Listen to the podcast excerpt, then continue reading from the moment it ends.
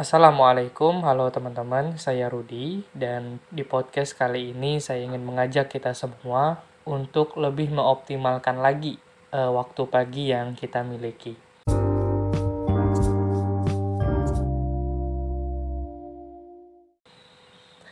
Nah, kenapa waktu pagi yang kita miliki?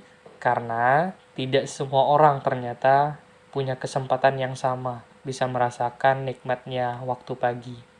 Waktu pagi adalah waktu yang eh, sangat-sangat penting, sangat potensial gitu ya untuk kita melakukan hal apa pun yang kita inginkan.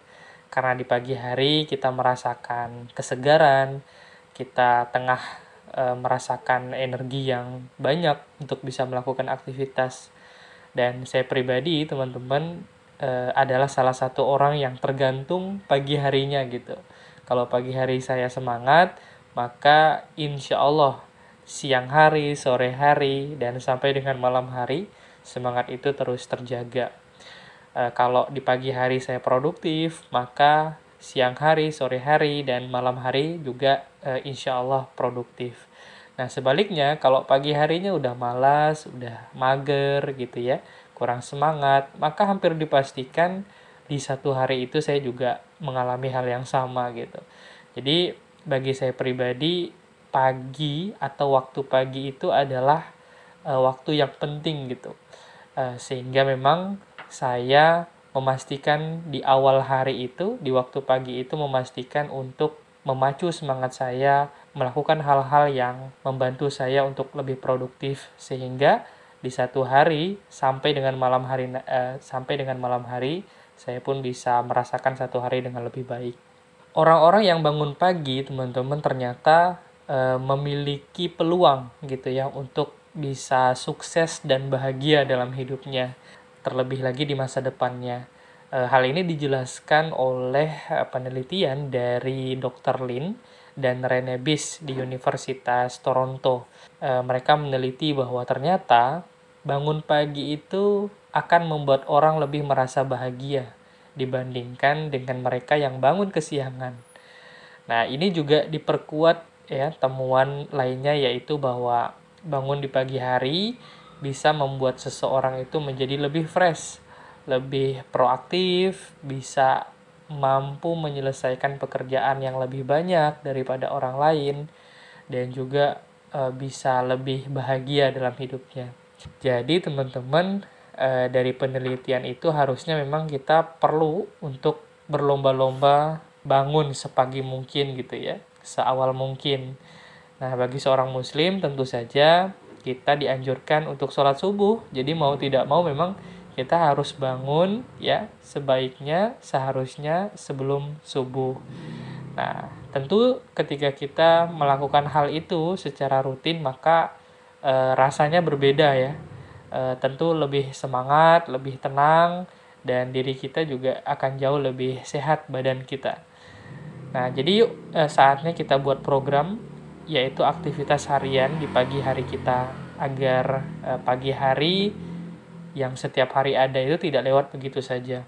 Nah, berikut beberapa pilihan aktivitas sederhana eh, yang bisa kita lakukan tetapi memiliki dampak yang luar biasa, teman-teman. Nah, ini bisa kamu lakukan di pagi hari, di pagi hari atau mungkin juga eh, beberapa teman-teman sudah menjalaninya. Nah, tinggal disiplinkan ya, tinggal kita istiqomahkan terus eh, sehingga menjadi sebuah karakter kita. Ya, biasanya kalau di pagi hari umumnya melakukan uh, bangun 15 menit sebelum subuh ya. Sehingga kita bisa melaksanakan sholat tahajud dulu ya sebelum uh, masuk waktu sholat subuh. Yang kedua, kita bisa membaca doa dan bersyukur bahwa uh, kita masih diberikan kesempatan oleh Allah untuk bisa bernafas ya, untuk bisa merasakan uh, kehidupan kembali gitu. Nah, kemudian yang ketiga, sederhana nih, yaitu minum air hangat. Nah, ini adalah hal sederhana tapi memiliki dampak yang luar biasa. Memiliki e, hasil yang signifikan bagi tubuh kita, teman-teman. Nah, yang keempat, ya sholat subuh di masjid ya, bagi laki-laki. Yang kelima, membaca al-maksurat atau zikir pagi yang dicontohkan oleh Rasulullah Shallallahu Alaihi Wasallam.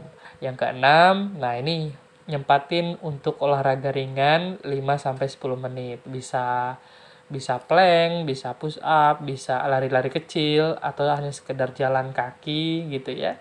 Nah, silahkan di pagi hari.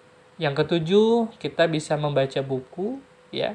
Ini juga penting karena di waktu pagi itu pikiran kita lagi fresh-freshnya ya. Lagi segernya untuk menerima ilmu.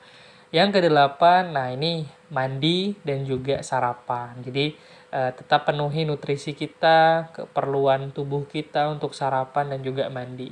Nah, itulah beberapa aktivitas yang bisa kamu kerjakan dan uh, kalau kita runut ya dari dari tips pertama sampai terakhir tadi itu kalau diberikan uh, waktu mulainya jam 4.30 ya sampai jam 7 pagi yaitu sebelum kita biasanya berangkat sekolah atau kuliah atau ke kantor.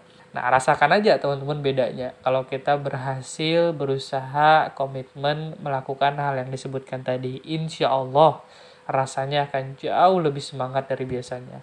Lebih antusias, kita juga jadi lebih nikmat, ya. Beda banget lah pokoknya. Nah, beda kan misalnya kalau bangun kesiangan, ya nggak sempat baca doa, mandinya juga buru-buru, ketinggalan perlengkapan sekolah biasanya kan bingung cari kunci motor, wah ribet lah pokoknya akhirnya hidup kita juga makin lesu makin lemah dan tidak bersemangat nah sebelum menutup podcast ini eh, pertanyaan buat kamu nih ya yang mendengarkan silahkan dijawab di dalam hati masing-masing apa sih aktivitas atau program yang sudah kamu lakukan setiap pagi hari nah itu pertanyaan pertama ya nah pertanyaan yang kedua adalah apa aktivitas atau program yang ingin kamu rutinkan, yang kamu rutinkan di pagi hari? Itu pertanyaan nomor kedua. Berikutnya, pertanyaan yang ketiga adalah pertanyaan terakhir: hal-hal apa saja yang akan kamu kurangi atau kamu hilangkan terkait kebiasaan di pagi hari? Nah, misalnya sehabis subuh tidur lagi gitu ya. Nah, hal-hal kebiasaan itu sering kali kita uh, remehkan. Nah, boleh jadi kita coba untuk biasa kurangi atau hilangkan. Silahkan jawab di dalam hati masing-masing. Eh, semoga ini menjadi refleksi kita untuk lebih baik lagi eh, ketika menghadapi pagi hari kita ya. Terima kasih sudah menyimak dan sampai jumpa lagi di konten selanjutnya teman-teman. Assalamualaikum warahmatullahi wabarakatuh.